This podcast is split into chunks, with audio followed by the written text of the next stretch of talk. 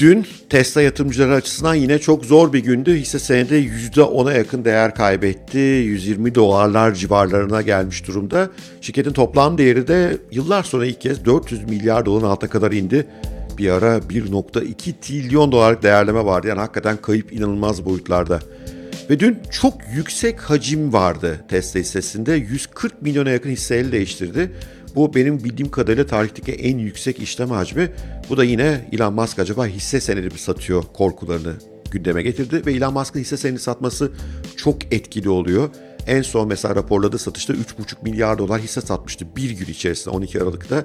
Toplam bir haftada Tesla perakende yatırımcıların alımları 600 milyon doları ancak buluyor. Yani Elon Musk bu şiddette bir boşaltma yapınca hisse senedini perakende onu alamıyor bireysel yatırımcılar. Kurumsal yatırımcılar da bu aralar Tesla'dan biraz uzak duruyorlar. Hem makroekonomik gelişmelerden dolayı hem de Elon Musk'ın Twitter'daki antikalıklarından dolayı. Dayağı bundan dolayı yiyoruz. Fakat kapanış sonrası, borsa kapanış sonrası enteresan bir şey oldu ve Elon Musk Twitter'da bir canlı Spaces yayınına katıldı ve orada Tesla'nın Twitter'ın geleceği hakkında çok ilginç şeyler söyledi. Bugün onları sizin için özetlemek istiyorum çünkü bir Tesla yatırımcısının bunları bilmesi önemli. Tabii lütfen unutmayın anlattıklarım asla bir yatırım tavsiyesi olma iddiası yok. Sadece piyasada olan bitenleri söylüyorum. Bir de videonun sonunda benim pozisyonumu da anlatacağım. Çok merak edenleriniz var. Soranlar da oldu. Çünkü bir takım stop loss duyuruları yapmıştım. Onlarda neler oldu? Dün tekrar hisse almaya başladım mı acaba? Bütün bunları videonun sonunda paylaşıyor olacağım. Hazırsanız başlıyoruz.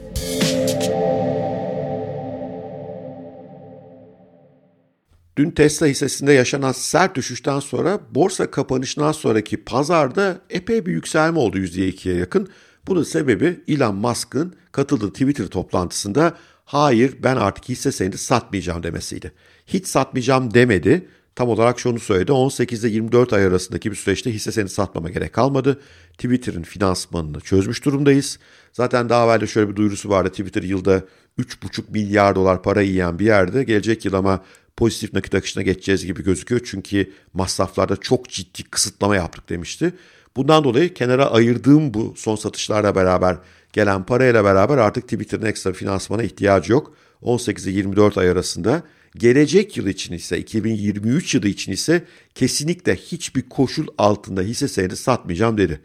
Valla artık sözünde durur mu durmaz mı bilinmez. Bunlar iş insanı sonuçta Piyasaların gidişatına göre işler değişebilir ama söylediği şey şu Twitter'daki derdi çözdük. Tesla'da zaten çok ciddi nakit rezervimiz var. Ben artık hisse senedi satmayacağım dedi. İşte bu açıklama da hisseyi biraz kıpırdattı. O bugüne nasıl yansır tabii bilemiyorum. Çünkü Tesla ile ilgili tek açıklaması hisse senedi alım satımı ile ilgili değildi. Daha başka haberleri de vardı ve bunun bir kısmı pek de iyi haberler değil. Nedir pek iyi olmayan haber? Diyor ki resesyondan biz de etkileniyoruz. Talebimiz etkileniyor. Çünkü bir yandan faizler yükseliyor. Arabalar krediyle alınan ürünler. insanlar onu finanse edemiyorlar. Bir yandan insanların gelirinde azalma var. E bir yandan da enflasyon bizim giderlerimizi de yükseltmiş durumda. E bunlar bütün talebi toptan etkiliyor. Bizim işimizi zorlaştırıyor dedi. Bu konuda gayet net konuştu ve önümüzdeki dönemde kar marjlarında gerilemeler yaşayabiliriz dedi. İyimser baktığı yön ise şu. Bizim kar marjlarımız çok yüksek biliyorsunuz daha evvel bu konuda birkaç kere bahsettim. Tesla sektördeki en yüksek Porsche'den sonra yanılmıyorsam araç başı karlılığa sahip. O yüzden biz buna başa çıkabiliriz dedi. Yani fiyatları indirip hayata devam edebiliriz. Bu konudan avantajlıyız dedi. Bir de o bahsetmedi ama küçük bir ekleme. Gelecek yıl Amerika'da elektrikli araçlar konusunda çok ciddi bir teşvik geliyor. Araç başı 7500 dolara yakın. Tesla'nın bir kısım araçları bu teşvikten yararlanacak gibi gözüküyorlar. O da avantajlı bir mesele tabii. Yani bizim kar marjımız yüksek dedi. Biz bu yüzden kar marjımızı kısıp yüksek hacimle iş yapmaya devam etmek istiyoruz. Biz büyümeye devam etmek istiyoruz. Çünkü büyüdükçe aslında araç başı maliyette geriliyor belli bir sürecin sonunda. Hatta dedi biz gerekiyorsa sıfır karlıklı araç satsak yine para kazanırız. Çünkü bunun üzerine sattığımız bazı yazılımlar var. İşte otonom sürüş yazılımı gibi. Hani onlarla da idare edebiliriz dedi. Oraya kadar ineceğini söylemedi ama buna bile hazırız dedi. Yani öyle baktığımızda demek ki resesyon var. Resesyonun sertleşeceğini düşünüyor Elon Musk. Yumuşak iniş olmayacağını, sert iniş olacağını düşünüyor. Amerikan Merkez Bankası'nın bu konuda hata yaptığını defalarca belirtti Twitter'da. Ben de aynı kanaatteyim ve bu bizi etkiler. Ama biz buna hazırız. Niye? Çünkü kar marjımız yüksek. Oynayabileceğimiz alan var. Bir de nakitimiz bol. 20 milyar doların üzerindeydi son çeyrekteki nakitleri. Bu çeyrekte daha da artmış olacağını düşünüyorum. 22-23 milyar dolar civarında bir nakit ve sıfır borçla giriyorlar yeni yıla. Başka hiçbir otomobil üreticisinde bu durum yok. Bu da bizi avantajlı duruma getiriyor diyor. Bu konuda ben de küçük bir not eklemek isterim bu arada. Otomobil üretiminde, otomobil üreticilerinin çoğunda gelecek yıl çok büyük sorunlar yaşanacağını düşünüyorum. Çünkü bu diğer firmalar bir yandan da fosil yakıtlı araçtan elektrikliğe geçmeye çalışıyorlar ve elektrikli araçlarda kar etmiyorlar. Tesla ise elektrikli araçta kar ediyor. Yani bir yandan küçülen bir fosil yakıtlı araç işleri var. Elektrikliğe geçmek istiyorlar orada kar yok. Bir yandan da piyasalar genel olarak daralıyor. Bir yandan da Tesla diyor ki fiyat rekabetinin dibine kadar dalmaya hazırım. Diğer üreticilere Allah kolaylık versin diyorum. Ama Tesla'nın durumu bu yönden çok kolay değil gibi gözüküyor. İkinci bir merak edilen konu Tesla hisse senedi geri alımına başlayacak mı? Çünkü Elon Musk çok hisse sattı. Piyasada aşırı hisse bolluğu var ve fiyat da epey düştü. Elon Musk bu konuda diyor ki biz bunu istiyoruz aslında diyor. Daha evvel de belirtmişti zaten. Fakat henüz 2023'te yaşanacak resesyonun sertliğinden emin değiliz. Eğer çok sert bir resesyon yaşanacaksa nakitle girmek isteriz. Onu biraz görelim. Eğer baktık ki beklediğimiz kadar sert değil resesyon, hisse senedi fiyatı çok düşük o zaman alım kararını onaylayacağız diyor. İşte bu da yine böyle bir belirsizlik ama bence doğru karar. Öncelikle şirketin ayakta durması gerekiyor. Hisse senedi fiyatı bir gün geriye gelir. Kısa vadeli telaşlara gerek yok bence o konularda. Eh, yani bireysel yatırımcıda iş değişebilir de Elon Musk açısından söylüyorum. E, o da bunu böyle yöneteceğiz diyor. Bir diğer önemli açıklama yeni bir giga fabrika ile ilgili. Biliyorsunuz Meksika'da bir giga fabrika açılacağına dair çok dedikodu var. Ben de bununla ilgili bir video yapmıştım.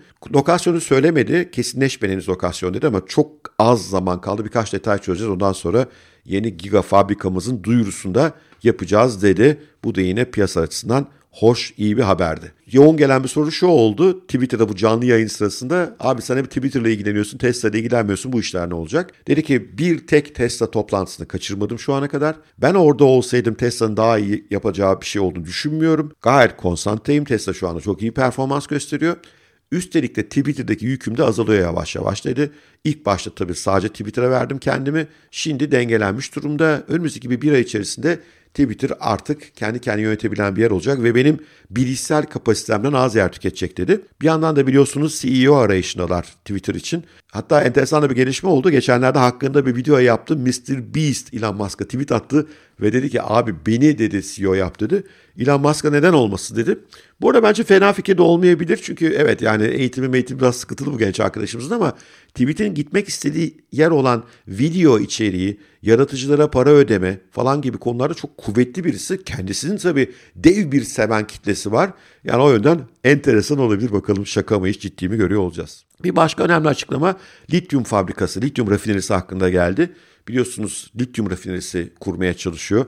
Kendi pillerindeki ham madde sorunu çözmek konusunda önümüzdeki 2-3 yıl içerisinde bunu devreye almış olacağımızı ve bir miktar lityum elde edeceğimizi düşünüyoruz dedi. Otonom sürüş versiyon 11 yazılımın 11. versiyonu hakkında da bu yıl başından önce piyasaya çıkacak dedi. Bir öncekine göre çok ciddi gelişmeler var. Üzerine yoğun şekilde çalışıyoruz dedi. Ama bütün bunların ötesinde kapanış bölümünde Elon Musk dedi ki evet önümüzdeki yıl fırtınalı olacak. Ama ben hala Tesla'nın dünyanın en değerli şirketi olacağına inanıyorum. Ki bunu en son dediğinden bugüne kadar %50 değer kaybettik aşağı yukarı. Ama önümüzde bir fırtınalı dönem var. Bu fırtına dönemi atlattığımızda güneşli günler bizi bekler. Çünkü en iyi ürünler bizde, en iyi yeni ürün fikirleri mesela ucuz Tesla gibi bizde. Nakitimiz bol, talebimiz iyi biz bu işi en iyi yönetecek şirketiz dedi. Gelelim benim kişisel pozisyonuma. 160 dolar civarında trade portföyüm zararla sattım. Yani orada zararım var. 140 dolar civarında uzun vadeli yatırım portföyümden bir bölümü lik oldu. Orada zararım yok. Tam tersi çok büyük karım var. Çok eski hisseler onlar. Dün ise 126-127 dolar civarında bir miktar tekrar o uzun vadeli portföy için alım yaptım. Yani makro ekonomide zırvalamalar olmazsa Tesla'nın buralarda bir yerde dibe yakın olduğunu düşünüyorum. Bilinmez tabii yani bazı tahminler 80 dolara kadar gider diyorlar. Resesyonun sertliğiyle Tesla nasıl baş çıkacak onu göreceğiz. Bugün piyasalar Elon Musk'ın o dünkü açıklamana nasıl bir tepki verecekler onu göreceğiz. Yani bütün bunlar çerçevesinde karar vermek zor ama yani bir miktar aldım ise belki de erken almışımdır bilemiyorum. Benim durumum bu. Ama anlattıklarım bir yatırım tavsiyesi olmanı tekrar hatırlatayım. Eğer anlattıklarım hoşunuza gitmişse lütfen bir like süper olur. Sorularınızı yorumlarınızı aşağıya paslayın. Onlara da mümkün olduğu cevap vermeye çalışıyorum. Sevgiyle kalın, hoşçakalın. Görüşmek üzere.